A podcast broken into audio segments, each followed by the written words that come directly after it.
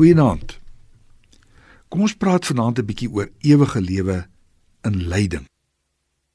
Die tema hierdie week is: Lewe jy regtig?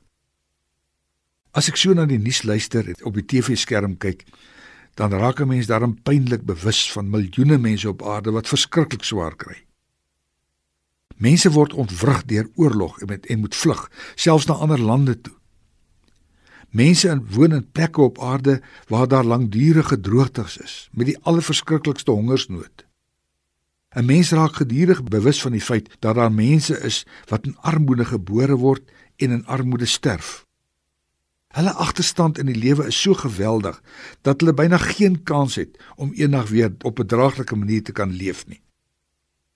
Natuurlik is daar mense wat nie so ekstreem ly en swaar kry nie. Maar sulke mense ly ook in die wêreld. Sulke mense geliefdes sterf. Ons word siek en ons ly fisies.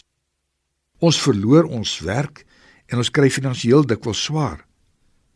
Ons word baie dikwels onbillik behandel. Lyding is oral. Ook gelowiges ly. Dat jy in God glo vrywaar jou nie van aardse lyding nie.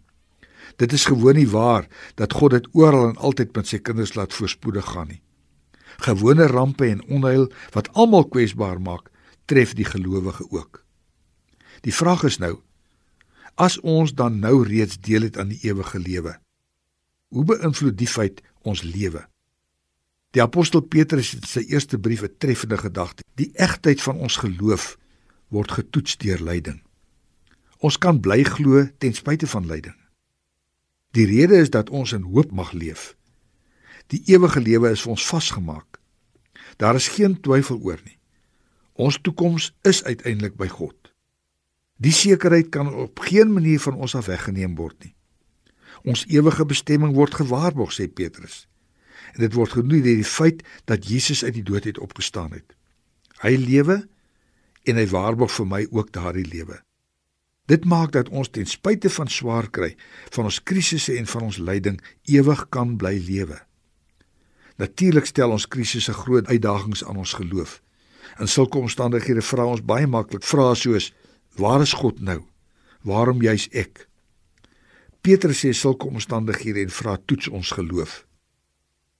Maar die sekerheid van die ewige lewe stel ons in staat om daardie som seer toetse te slaag in hierdie lewe. Wat is die resultaat? Ons geloof groei en word kwalitatiewe geloof. Ons geloof raak nie net beter nie. Ons lewe ook. 'n Rustige nag vir jou.